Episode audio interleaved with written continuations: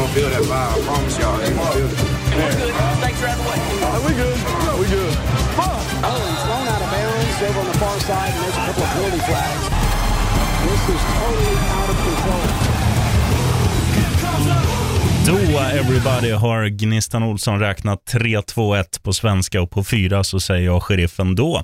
Eh, och det var ungefär fem sekunder sedan då. Nu är vi igång ännu en gång med denna succépodd som heter vadå? NFL med Gnistan. Olsoniak och Olsoniak. undertecknad sheriffen. Yes, Ehm, Nya smeknamnet. Jag gillar det. Jag gillar det, sheriffen. Mm. Eh, för att förklara för lyssnarna så är det ju så att jag, jag mejlar mig själv varje vecka med det jag ska läsa på positiva och negativa nyheter. Och Då måste man ju döpa mejlen till något och idag heter det då NFL Con Olsoniak. NFL vet alla vad det är. Con är med på spanska. Con gas till exempel är med kolsyra. Och nu är det ju då Con Olsoniak och det är ju då en, eh, en blandning mellan Olsson och Maniac. Alltså, du, du har så mycket så här, kunskap ofta, sheriffen, som är ganska oviktig. Allt, att du vet exempelvis vad ja, men vissa saker heter på spanska. Kanske, kanske det här som du nämnde nu är lite som, som de flesta lär sig ändå i skolan när de pluggar spanska. Men, men det är ändå lite så här små, små grejer som du ändå tar med dig med livet och någonstans på, längs livets gång så hittar du liksom tillfällen att använda dig av dem. Det gillar jag. Mm-hmm. Du ska vara glad att den inte heter tjurpenis på spanska, för det var, det var arbetsnamnet. Men eh, nu ska vi... Vad är tjurpenis på spanska? Eh, Då kommer vi få en sån här exklibit, så jag vågar inte säga det. Men Toro är tjur och eh, Ja. det andra får du väl googla om du vill veta. Nej, jag tror jag men- inte jag googlar. Mm, Dr. Olsson, Yes. Eh, vi ska säga det också att det är väldigt, må- eller väldigt många är det inte, men det är några hjältar som har skrivit på vår Facebook-sida där man gärna får skriva, där vi då heter NFL med Gnistan och Sheriffen. Många som har frågat om eh, korven och eh, så här kommer det nog bli. Att det kommer nog bli nu på söndag, men det kommer bli någon alltså alternativ pryl, för jag har, jag har fan inte råd att köpa korv ens. Det är, även om jag vann 6 000 eller 7 000 eller vad det var, så, um, så har jag ju investerat. Jag har ju köpt lite grejer. Eh, bland annat en, en fåtölj och ett tv-spel och um, slut på kontot. Så att eh, jag får ta någon Det är gammal ju så här... på snudd nästan att du måste sälja någonting bara för att ha råd med korven, sheriffen. Ja, jag håller på. Jag har lagt fram två mikrofoner här när jag sitter i min okej. studio Ja. som jag ska Ja, eventuellt sälja e- eller lägga ut. Men om de inte är sålda till på söndag, då får jag ta någon gammal så här eh, vårrulle eller något och bara pu- punga på med ketchup Ja, men det och, och filma. Det funkar. Så jag lovar att Ketchupen är ju det, viktiga i alla fall. Det är på gång i alla fall. Eh, Mm. ska vi gå rakt på sak och damma av lite, lite positiva och negativa överraskningar? Ja, men det tycker jag. Kör i den ordningen också. Positiva först och sen såklart avsluta med de negativa. Nu ska du få höra också att det är 4-2 till de positiva. Så att det blir mycket, mycket glatt i det här avsnittet. Och vi börjar väl med att säga så här då. Alla backup-QBs som glänste som diamanter. Alltså Mike White i Jets, han gjorde en sagolik insats i matchen mot Bengals när Jets tog säsongens andra seger. Över 400 passing yards varav flera matchavgörande spel. Sen hade han ja, tre touchdowns är bra, två interceptions mindre bra, men vad fan, han, han var grym. Och när man liksom, ja, man tänkte ju Mike Who, men Mike White blev liksom ett utropstecken istället, så han var kung. Detsamma gäller ju da, eh, Dallas eh, backup-QB som heter Cooper Rush. Och nej, han är inte running back, han var QB. Även han hade en väldigt fin match och eh, Cowboys tog en viktig skalp mot Vikings. 325 passing yards, två TDs, in en interception blev det för Rush, som alltså är quarterback, inte running back. Eh, nästa positiva pryl är Carolinas springspel utan Krille. Ingen Christian McCaffrey, ändå sprang Carolina Panthers för över 200 yards i matchen mot Atlanta Falcons, världens sämsta lag. Ehm, vi skuttar till nästa på en gång. Det är lika bra att bara bomba av nyheterna. Nu kör Ehm, vi, nu kör vi bara. Seattles facit hemma mot Jacksonville. Alltså det här är sjuka siffror och jänkarna är bra på, på prylar med statistik. De har mötts fyra gånger i regnet och grungens huvudstad. Eh, Seattle har vunnit samtliga mot Jacksonville med en poängdifferens, Olsson, på 141-39. Jag har ju läst matte C, så jag har räknat ut att det ger ett snittresultat på 35 versus 9 poäng. Seattle mot sjukt. Jacksonville. Eh, och Det här är ju överle- överlägsenhet deluxe. Helgens resultat var inga undantag. Seahawks 31, Jags 7. Mjau. Sista positiva nyhetsprylen. Eh, jag tror att du kommer gagga mer om det här sen, men jag säger ändå så här. Atlanta Falcons fantastiskt duktiga wide receiver, Calvin Ridley. Han har ju då tagit en eh, timeout från fotbollen på obestämd tid på grund av personliga skäl. Och Jag tycker det är underbart att någon vågar, för att pengar är inte allt. Psykisk hälsa är fan så mycket, mycket viktigare om man liksom tänker att en fotbollskarriär varar ett par år, 10 år, 15 år, 100 år om man är Tom Brady, men livet varar ju så mycket längre, så fan kudos Calvin att du vågar. Ja, men jag tycker också det. Och, eh, alltså, anledningen är ju som sagt att fokusera på sin mentala hälsa som han har beslutat sig att ta ett helt steg ifrån NFL. Och om vi någonsin kommer få se Calvin Ridley tillbaka i NFL, det vet jag inte, men han har ju varit en exceptionellt duktig wide receiver. Spåddes ju nu när Julio Jones försvann till Tennessee Titans att han verkligen skulle bli nummer ett receivern. Men det har känts någonstans under hela säsongen som att det är någonting som inte riktigt funkar som det ska. Det är någonting hos honom som, som kanske inte är som det tidigare var. Och det har ju kommit fram också att han exempelvis när han inte åkte till Londonresan att det berodde på liksom personliga skäl. Eh, och nu som sagt så tog han beslutet då i, i helgen som var helt enkelt att han tar ett steg tillbaka från NFL helt och hållet. Det är stort och eh, all eloge till honom faktiskt att fokusera på det viktigaste, precis som du säger, sig själv. Mm. Eh, och eh, på den negativa listan då har jag då två saker. 4-2, 4-2. Och en av de två, det är två jojo-lag. Alltså jojo-lagen är ju alltså att, vi säger så här, man målar upp Cincinnati Bengals som ett jävla kanonlag och vad händer? Jo, de förlorar mot Jets. Man surrar om Browns som en jävla Super Bowl-aspirant. Vad händer? Ja, de förlorar hemma mot ett kickerlöst Pittsburgh. Eller ja, han gick ju sönder deras kicker, men de kunde liksom inte anfalla med sparkspel sista eller andra halvlek. Så att de, de fick liksom gå för det. Och, och, nej, de lyckas ändå förlora. Jag tycker Ja, men det är jag tycker. AFC North, AFC North är rolig, alltså just för att det är sådana här matcher. Alltså, om man kikar på exempelvis Baltimore Ravens, de kan ju lika gärna förlora alltså, mot vilket av de här lagen som helst. Alltså, det är ett verkligen så här svajig division som man får se väldigt mycket roliga spel ifrån.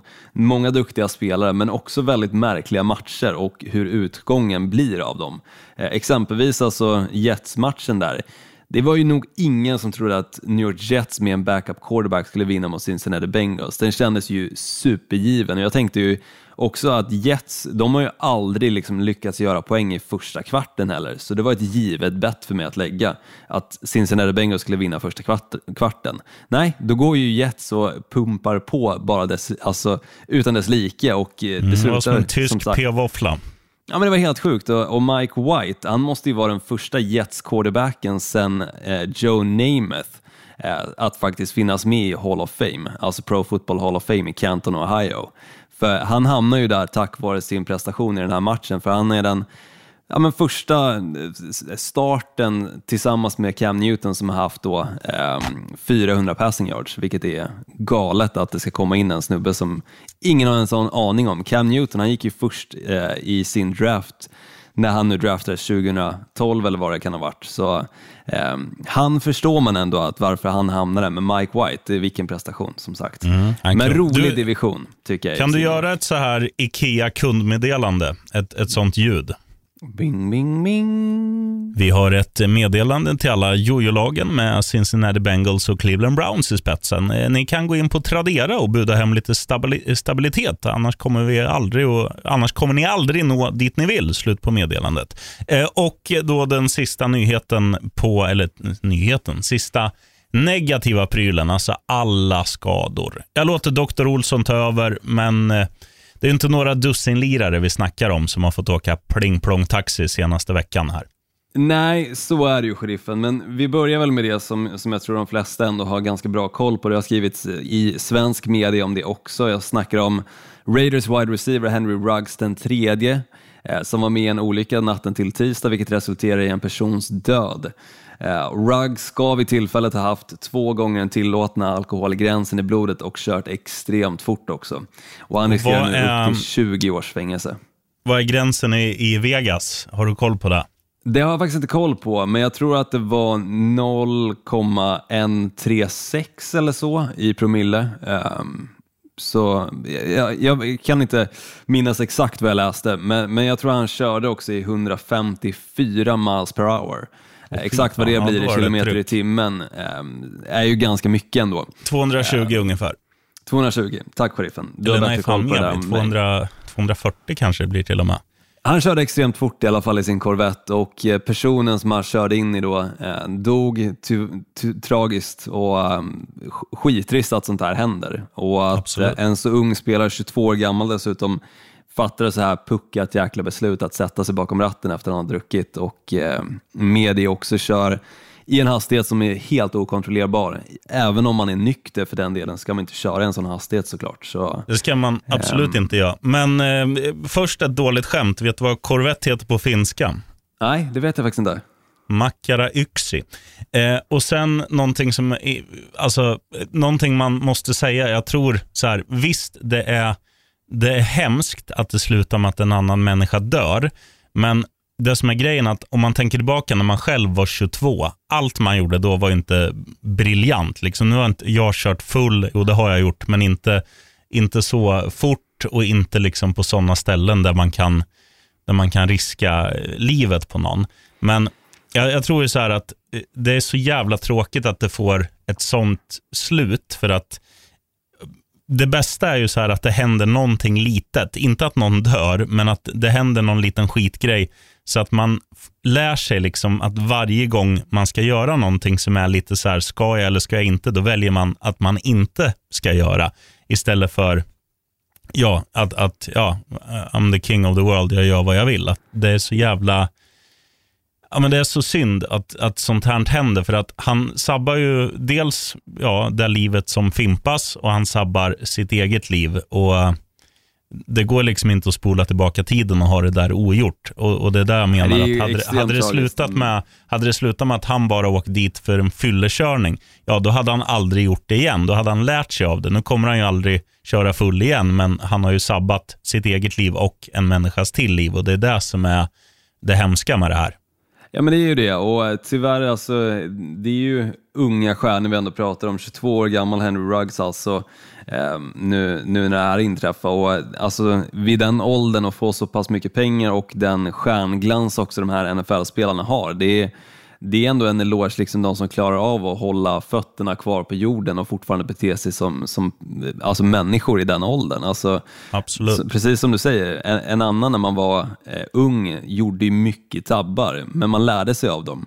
Det här är tyvärr en sån tabbe som inte går att ta tillbaka. Och, jäkligt trist och eh, såklart sjukt tragiskt för, för familjen och släkten och allting för den personen som dog. Och tragiskt också för Henry Ruggs, eh, den tredje och hela eh, Las Vegas Raiders egentligen.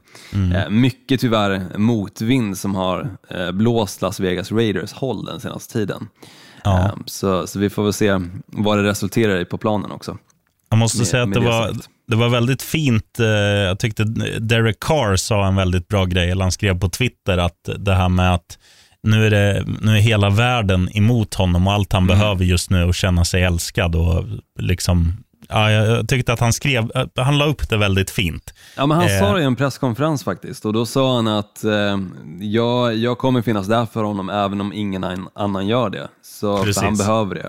Och um, det är extremt fint av Derek Carr. Han är en fin person och det tycker jag man också har fått se när man såg honom i exempelvis Hard Knocks. Och, mm. eh, även om man kanske inte hejar på Raiders så finns ändå lite, eh, lite kärlek åt Derek Carrs håll, även fast man ibland kl klankar ner på hans spel så, så är han en fin person.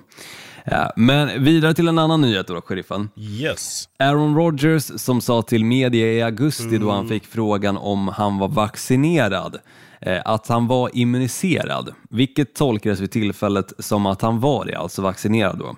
Han har dock drabbats nu av covid-19 eh, och det visar sig alltså att han inte var vaccinerad vilket gör att han missar minst 10 dagar, alltså tillgänglig först lördag nästa vecka. Eh, matchen som de har nästkommande är då mot Seattle Seahawks på söndagen. Såklart så missar han alltså matchen nu i helgen mot Kansas City Chiefs. Men mycket har väl kommit åt, åt hans håll då att han har sagt just den här meningen att han är immuniserad, eh, vilket de flesta då tolkar som att han var vaccinerad, men uppenbarligen inte har varit det. Och sen att han har funnits på exempelvis preseason-matcher utan mask, han har varit på presskonferenser utan eh, mask, vilket tydligen är ett tvång också. Så vi får se exakt vad det blir för konsekvenser åt Aaron Rodgers håll, eh, men också faktiskt Green Bay Packers som kan tyvärr eh, drabbas av detta, att de har inte haft hel uppsikt på Aaron Rodgers och att han inte har varit då vaccinerad, men ändå skött sig eller betett sig som att han har varit det.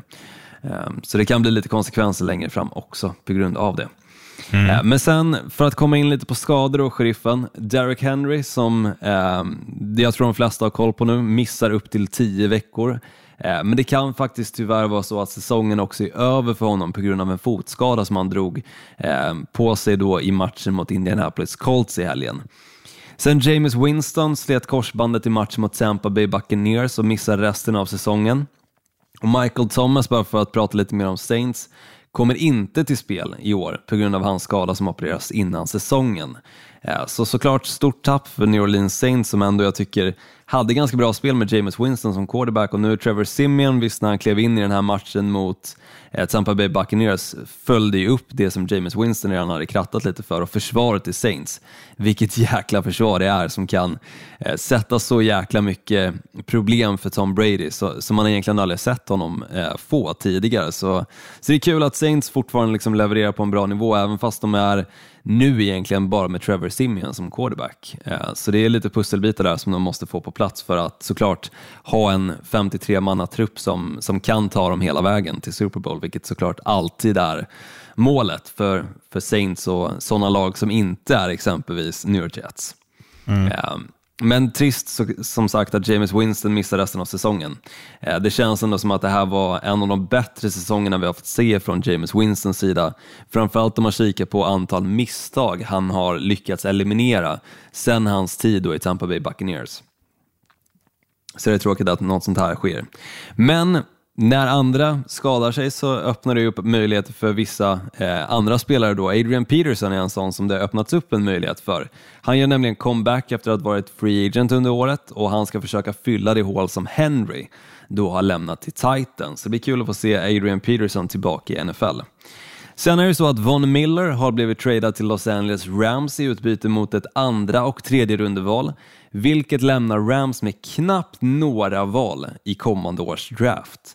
Eh, så det blir spännande att se om Von Miller är den eh, personen som kan göra så att Rams tar sig hela vägen till Super Bowl och kanske till och med vinner den, för nu har de verkligen, verkligen gått all in för den här säsongen och kanske också lite nästa säsong. Men eh, det är vinna eller försvinna egentligen för det här Rams-laget, för framtiden har de sålt Nej, men, ganska mycket. Jag ska pausa det där också. Att så här är det ju att framtiden är pausad kan man säga. För, för det är fortfarande så här att alla, alla stjärnor som de nu har stackat upp med, det, det, det kan ju lika gärna bli så att nästa år så, så ringer, ja vad vet jag, eh, Denver Broncos eller Las Vegas Raiders eller vilka som helst och säger tjena, du jag tänkte han Rogga där, eh, vad ska ni ha för honom? Ja, vi kan ta kan ta ett val i andra rundan. Det går alltid att liksom trada tillbaka. Jo, men det gör det. Eh, det, gör det. Men jag ska, måste säga det också, att jag tycker de gör så jävla rätt. För att jag tycker de har visat, de har,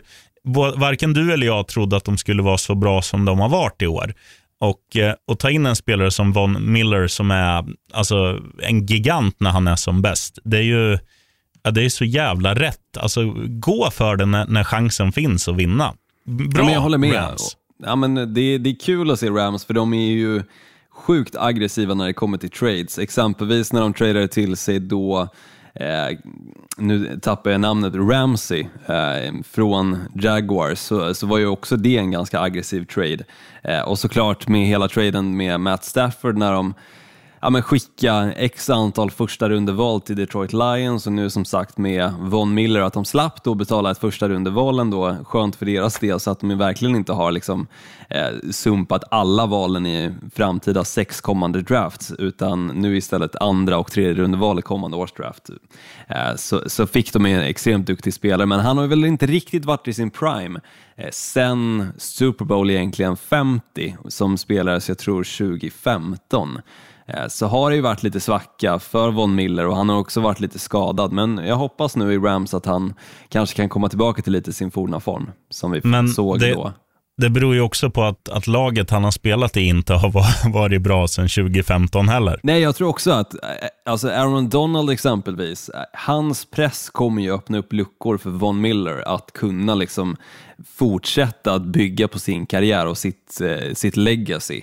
Ehm, så, så absolut, det, det innebär ju alltså mycket för Von Miller att hamna i ett extremt duktigt defense istället för att hela tiden vara kvar i Denver Broncos som tyvärr på grund av hur offensiven funkar sätter upp försvaret i dåliga situationer som gör att försvaret tyvärr inte har en chans riktigt att stoppa motståndarna och på så sätt förlora matcher också. Eh, och det ser ju inte jättebra ut då i statistiken såklart. Eh, Men Rams funkar ju helt tvärtom istället. Eh, Så det är kul. Sen vill jag bara nämna också att Odell, Beckham Jr eh, är en spelarnas vilde då han tillhör Browns men enligt deras headcoach Kevin Stefanski så är han utanför klubben.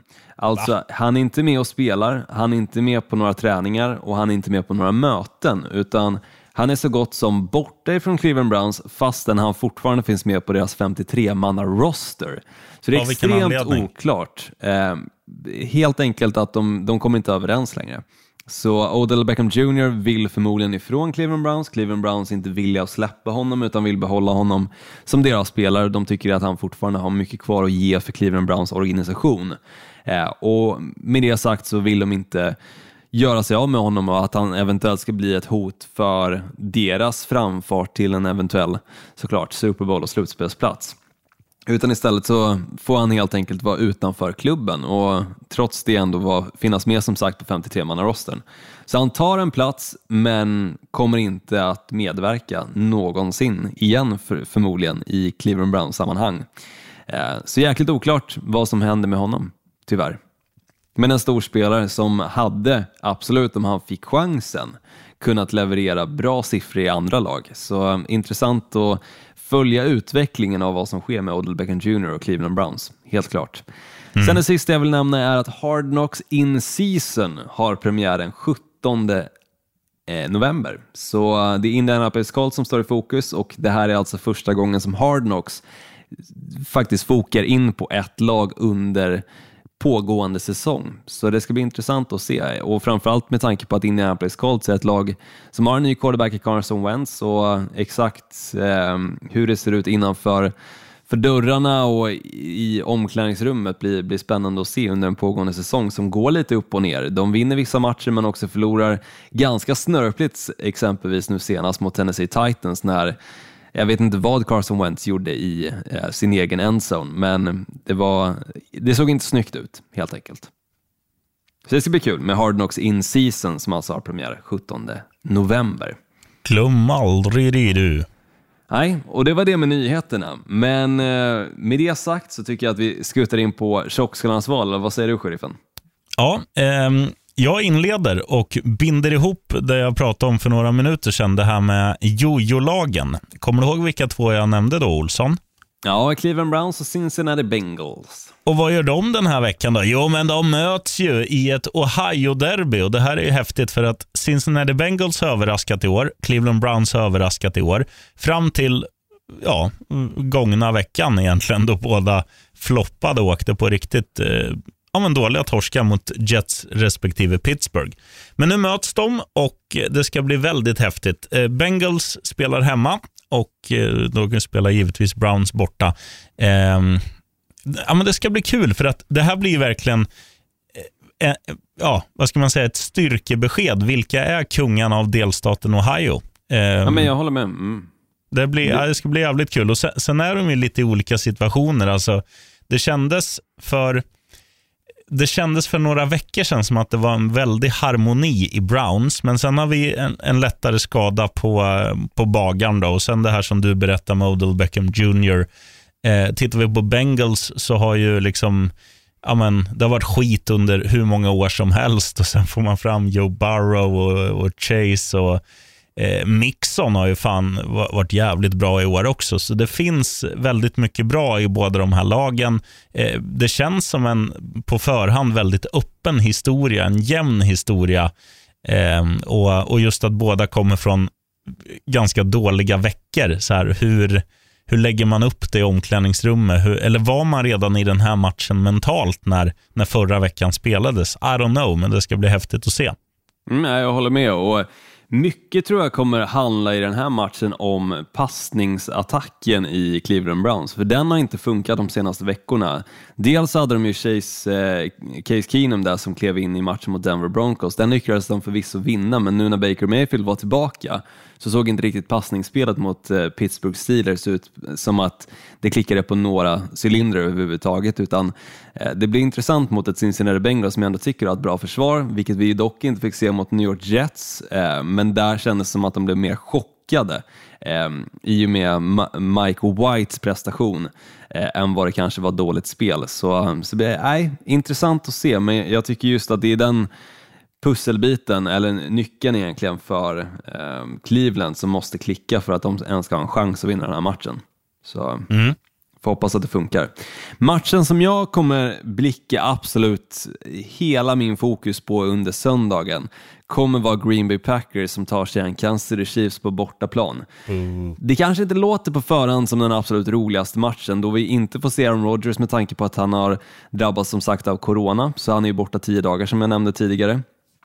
Och om man kikar på Kansas City Chiefs sida så har ju de ligans typ sämsta försvar, kan inte stoppa någon. Visst, de lyckades nu senast mot New York Giants på eh, ett avgörande field goal, men att det ska avgöras på ett field goal mot New York Giants så som de har spelat den här säsongen. Nej, det är klent är riktigt klent och att Giants som sagt lyckas hänga med i den här matchen, spotta upp lite poäng på tavlan, innebär ändå, tycker jag, att det känns ganska positivt för Jordan Love i hans första NFL-start efter att ha valt sig första rundan 2020. Ehm, just att han möter ligans sämsta försvar så tycker jag att det det känns positivt för honom. Han har väldigt många bra vapen i Green Bay Packers. Nu är ju Alan Lazard tillbaka, förhoppningsvis kommer Davante Adams också vara tillbaka inför den här matchen. Eh, till och med kanske deras tredje wide receiver eh, i eh, Marquez Valdez Scantlin och sen har de ju två stycken bra running backs också eh, i Aaron Jones och eh, A.J. Dillon. Så det känns ju som att de har mycket att kunna sätta upp mot det här pissbedrövliga försvaret i Kansas City Chiefs. Eh, så, så länge bara Jordan Love hittar sina receivers och eh, att Aaron Jones och A.J. Dillon kan springa igenom de luckor som Green Bays eh, offensiva linje kommer att ge dem så tror jag att Green Bay har en stor chans att hänga med i den här matchen. Och de är super-underdogs också, Green Bay, i den här drabbningen såklart på grund av att Aaron Rodgers saknas. Eh, men källorna säger i alla fall att Jordan Love under försäsongen och under träningar har sett bra ut. Så jag hoppas att han kommer leverera i den här matchen. Den kommer bli sjukt rolig att se. Eh, och sen bara för att ta tillbaka oss lite i historien också. Aaron Rodgers första eh, spel som eh, Green Bay Packers quarterback, eh, förutom då försäsongsmatcher, var i en match mot Dallas Cowboys för flera, flera år sedan. Jag tror det här var 2006 eller kanske till och med 2007 där någonstans, så fick han kliva in i den matchen på grund av att Brett Favre skadade sig. Det var mitt i säsongen, det gick väldigt bra för Green Bay under säsongen också och det här var storviktsmöte. Lite samma upplägg tycker jag ändå känns kring den här matchen och Jordan Love. Så vi får väl se om det kan bli att historien återupprepar sig men att det är ombytta roller för Aaron Rodgers istället. Jag är taggad som Green Bay Packers-fan för att jag har inte fått se Jordan Love mer än under försäsongen så det här ska bli kul att kolla exakt hur han faktiskt presterar när de ändå också tradade upp för att drafta honom 2020 års draft. Olsson, du gillar inte boxning va Olsson? Nej, det gör jag inte. Man hör, man hör det. Storviktsmöte. Det ja, men nya, det, det, det nya det, vältervikt. Ja, men det, det, här, det, här är, det här är storviktsmöte. Storvikt. Tungviktsmöte, ja, Olsson. Tungviktsmöte, men... tack. Tack. Nej, jag gillar inte boxning. Det, det, det, var bra att du plockar upp det, sheriffen, så att jag ändå kan, kan få lyssnarna att förstå att det, det handlar om att ja, total oförmåga i att förstå mig på boxning och dess termer. True.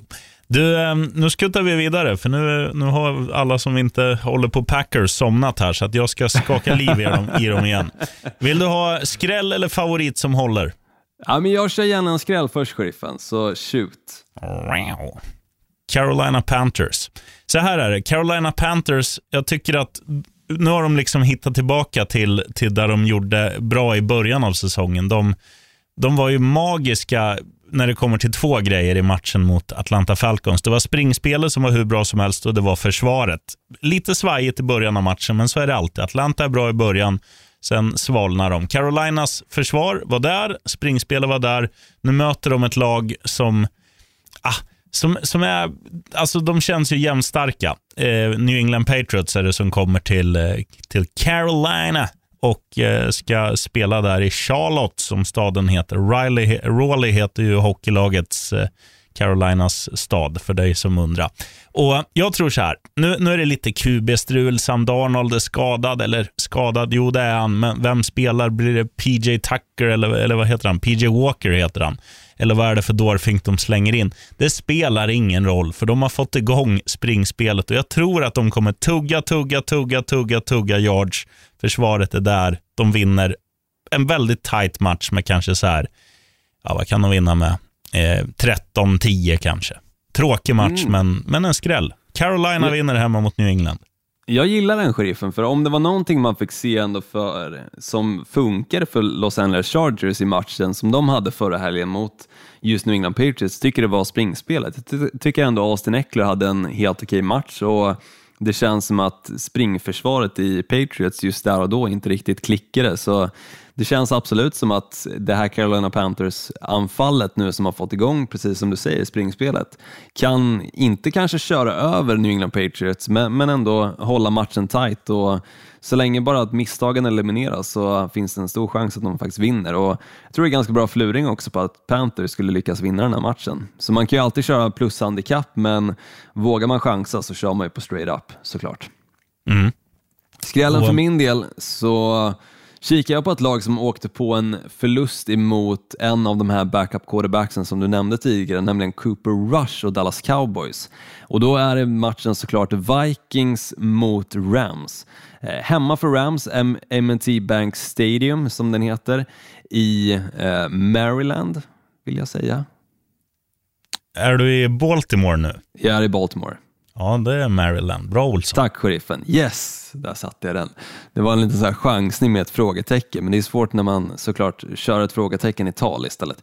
Hur som helst så tror jag ändå att Vikings har en ganska bra chans i den här matchen. Visst, det såg ganska risigt ut i matchen mot Dallas Cowboys, men det är ett Vikings som har ett bra lag. Alltså, de har duktiga spelare i Thielen, Justin Jefferson, Dalvin Cook och sen tycker jag också att deras andra running back, Alexander Madison, användes på tok för lite i matchen mot Dallas Cowboys.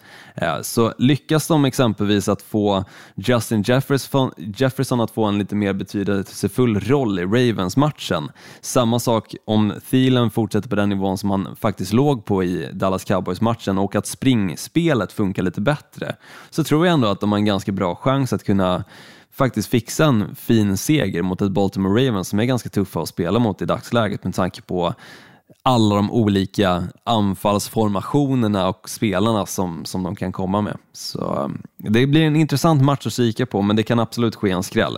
Um, sen huruvida jag är hundraprocentig på den här, det skulle jag kanske inte säga att jag, jag är 75 på att det kan bli en skräll procent. Ja, det är fint svar. Jag är 12. Eh, något som jag dock är 95,6 procent säker på det är att Dolphins vinner hemma mot Houston Texans. Nu snackar vi då favorit som håller. Och så här är det. Alltså Miami Dolphins har varit dåliga i år, men jag tycker senaste fighten nu mot Buffalo Bills, det var i alla fall ett fall framåt. De, de försökte. Jag tycker Tua Tagovailoa ser lite, bättre, lite mer bekväm, inte lika stressad som i början av säsongen. Eh, Houston Texans har ta med fan ingenting. De har inget att spela för. De har... Eh, de känns bara dåliga och uppgivna. Dolphins kommer i alla fall ha... Jag säger att det blir halvsatt på Hard Rock. Det kanske blir 45 000 som vill sjunga Miami has the Dolphins, the greatest football team. Och 45 000 fans att spela för, det är i alla fall någonting. Så att Nej, det ska mycket till att Dolphins ska förlora hemma mot ligans absolut sämsta lag. Så att eh, go Finns, go.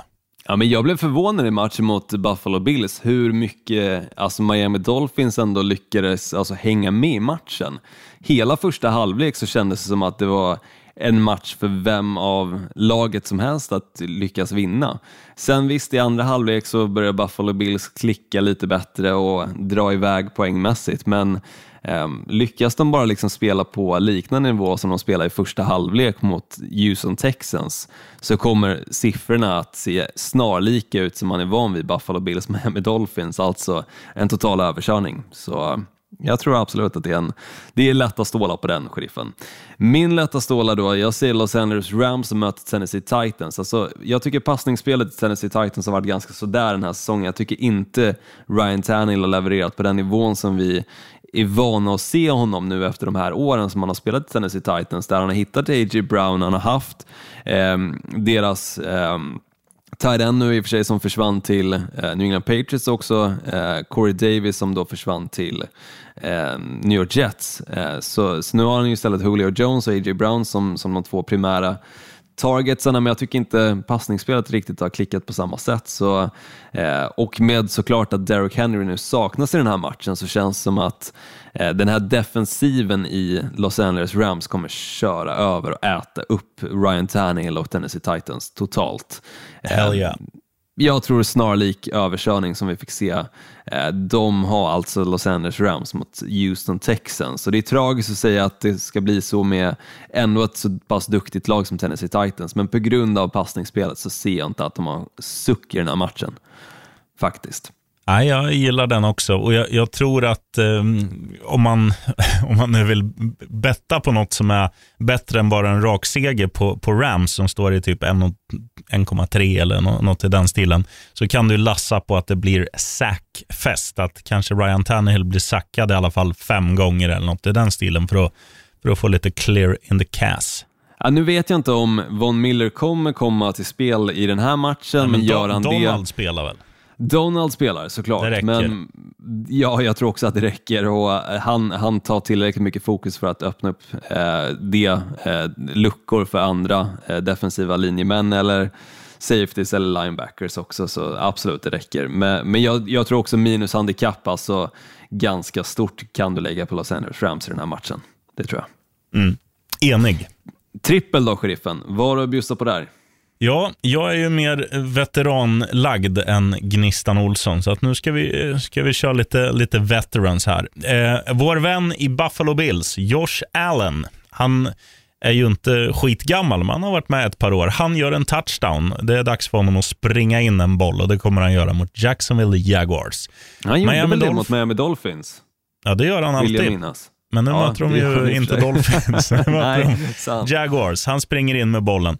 Eh, sen på tal om Dolphins, det är ju bara att spela. Den är rak, den är ju så dyngklar och eh, sen tror jag också att eh, det kommer bli så här i en liten match som stavas New Orleans Saints mot Atlanta Falcons. Där kommer en, en veteran som heter så mycket som Matt Ryan kasta en interception över till Olsson.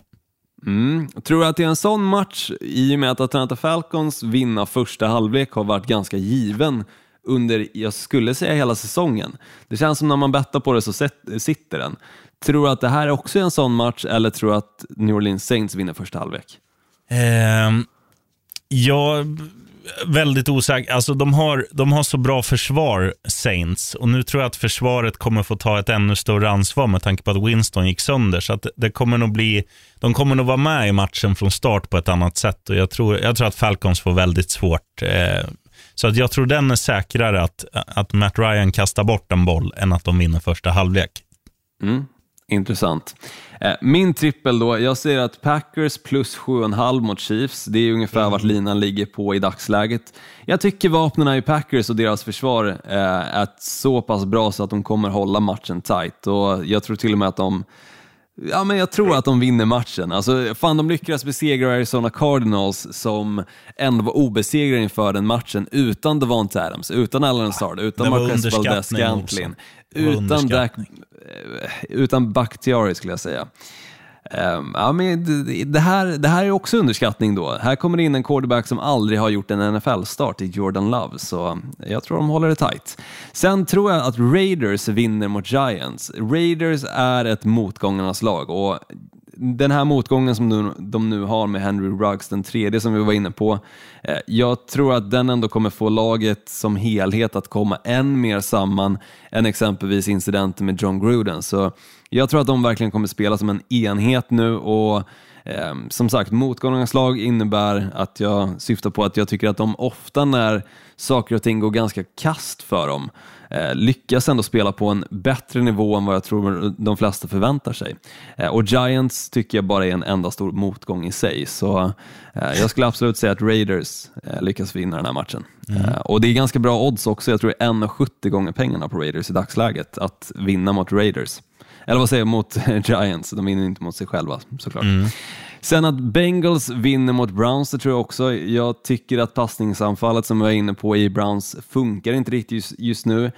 Visst, lyckas de att få till det under den här matchen så har de en stor chans att hänga med och kanske till och med vinna, men det är någonting som inte klickar i eh, offensiven just nu i Cleveland Browns, så det är väl också lite det hela problematiken eh, kring Odell Beckham Jr har väl kommit upp i, från ytan liksom, på grund av att det kanske inte funkar som det ska. Så uh, jag tror Bengals lyckas fixa den matchen också. Ja, Sen jag om man- håller med dig. Ja, sen om man kikar på en rookie-trippel då, sheriffen, om du är sugen på en sån också, så säger jag att Eric Stokes, rookie quarter- cornerback i Green Bay Packers fångar en interception av Patrick Mahomes. Patrick Mahomes le- leder just nu ligan i antal kastade interceptions, så det finns en stor chans att han kommer kasta en mot Green Bay också. Sen Najee Harris, running backen i eh, Pittsburgh. Steelers, han tror jag kommer ha över i rushing yards eh, och sen tror jag också att Broncos rookie running back Javonte Williams gör touchdown mot Dallas Cowboys. Girls. Girls, precis. Olsson. Och där lär väl Dak Prescott vara tillbaka och inte vi får se Cooper Rush återigen. För övrigt, Cooper Rush tycker jag inte har ett namn som passar in på hans utseende. Nej, jag Utan han tänkte ser- inte på hur han såg ut. Han ser ut som en eh, Andy Dalton-kopia ungefär. Låt mig googla. Och, och det roliga är att jag såg någon meme också där det var någon som hade skrivit att eh, Cooper Rush ser ut som eh, skådisen som är eh, inhyrd för att spela Andy Dalton i filmen om Dak Prescott. Alltså det vill säga att man inte har lagt jättemycket krut. Det var faktiskt Och- jävligt roligt. Ja, den var svinbra. Så, så Cooper Rush, jag ser ändå framför mig liksom typ en Tom Brady-karaktär, men, men inte Andy Dalton lookalike. Så kan jag säga. Mm. Nej, eh, bra, bra lookalike att han är mer lik Andy Dalton. En dålig variant av Andy Dalton. Det var, jag, jag kan inte kontra på den. Jag, jag säger I rest my case. Det var facit. Ja, men internet ibland är ju magiska. Eh, Och, och när, de, när man får se de här memesen som dyker upp, alltså det finns ju hur många olika Instagram-konton som helst som kör på NFL-memes, men följ dem för det är förbaskat roligt ibland. Eh, visst, ibland så är de lite på, på gränsen och, och lägger upp innehåll som, som du inte bör klicka på, det vill säga exempelvis nu senast med Henry Ruggs så, så var det väl några videos som hade kommit upp till ytan som, som de också länkar till, men som sagt, när det ändå dyker upp sådana här grejer med Cooper Rush då, då har man ändå ett leende på läpparna som, som tar en igenom dagen, så det är kul. Mm. Vad ska du göra ikväll då, Olsson? Ska du, ska du ta på dig kökshandskarna och ställa dig i boxningsringen och köra ett storviktsmöte? Nej, det blir det nog inte. Det blir nog att ta det lite lugnt nu när lilltjejen än- äntligen har somnat. Jag är ju pappaledig nu för tiden, så fem månader av pappaledighet och jag tänkte ju någonstans att eh, i min naivitet liksom i, i början när då Hailey hade kommit som, som dottern heter att fan det blir perfekt att vara pappaledig under hösten för då kommer ju dels NBA-säsongen vara igång och NFL-säsongen. Men jag kan ju säga det att efter att jag såg matchen mot Green Bay Packers förra veckan då, eh, där de mötte Arizona Cardinals, torsdagsmatchen natten till fredag, jag var ju helt körd. Och sen att försöka ta hand om dottern med det och plus att jag i och för sig också jobbade den dagen, var ju en mardröm. Så, så jag har inte sett mer fotboll eller mer NBA än vad, vad jag gjorde tidigare, fastän jag är pappaledig. Så mycket kan jag säga. Nej, Det livet, finns inte tid. livet är hå- hårt men rättvist. Ja, och när jag kliver upp på natten för att ge henne käk så går jag inte upp och sätter mig och ser en NBA-match heller, utan då, då lägger man sig fort som fan i sängen igen och försöker somna om bara. så fort hon har, såklart. Kör du barfota eller kör du fåskinnstofflor när du går upp på natten? Nej, jag kör bara fota. Jag, jag har bara mina eh, boxerkallingar på mig när jag ligger och sover och när jag kliver upp. Så grannarna mitt Sexigt. emot eh, som, som eventuellt skulle vara vaken vid den tiden får, får se mig stappla runt här i lägenheten i boxerkallingar. Ja, jag ska tipsa dig om att införskaffa ett par sköna tofflor. Jag köpte faktiskt ett par Uggs-tofflor. Det är bästa Oh. köp jag gjort på år och dagar. Det är, Det är därför du inte har någon fluring nu, sheriffen. För Ja, dels det. Sånt. Ja, men det, det, det är jävligt så här, man, känner sig jävligt gubbig, men samtidigt det är så jävla skönt att inte frysa om fötterna när man ska upp och pissa på natten och sånt där. Så Ja, men eh, jag fattar. Och eh, jag kände väl det under dagen också faktiskt, när du ändå tar upp det, att mina fötter var jävligt kalla när jag satt och lekte med, med lilltjejen. Så, så jag funderade faktiskt ett slag på om jag inte skulle sätta på mig några så varma strumpor, men uggstofflor, det, det ska jag ta dig för orden och se till att införskaffa, sheriffen. Bra Olsson. Ah, eh, annars kan du alltid, ti- eller tips om, om fru Olsson lyssnar, köp, köp det till herr Olsson i julklapp.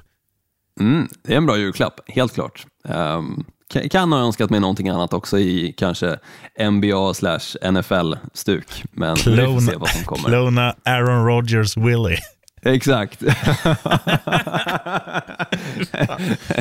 Oj, oj, oj. Ja, som en- Covid-infekterad Willy.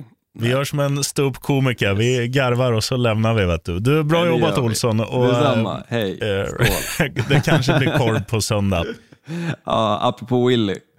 Där har du en massa blod. Oh, fan mig. Hej, hej, hej, hej.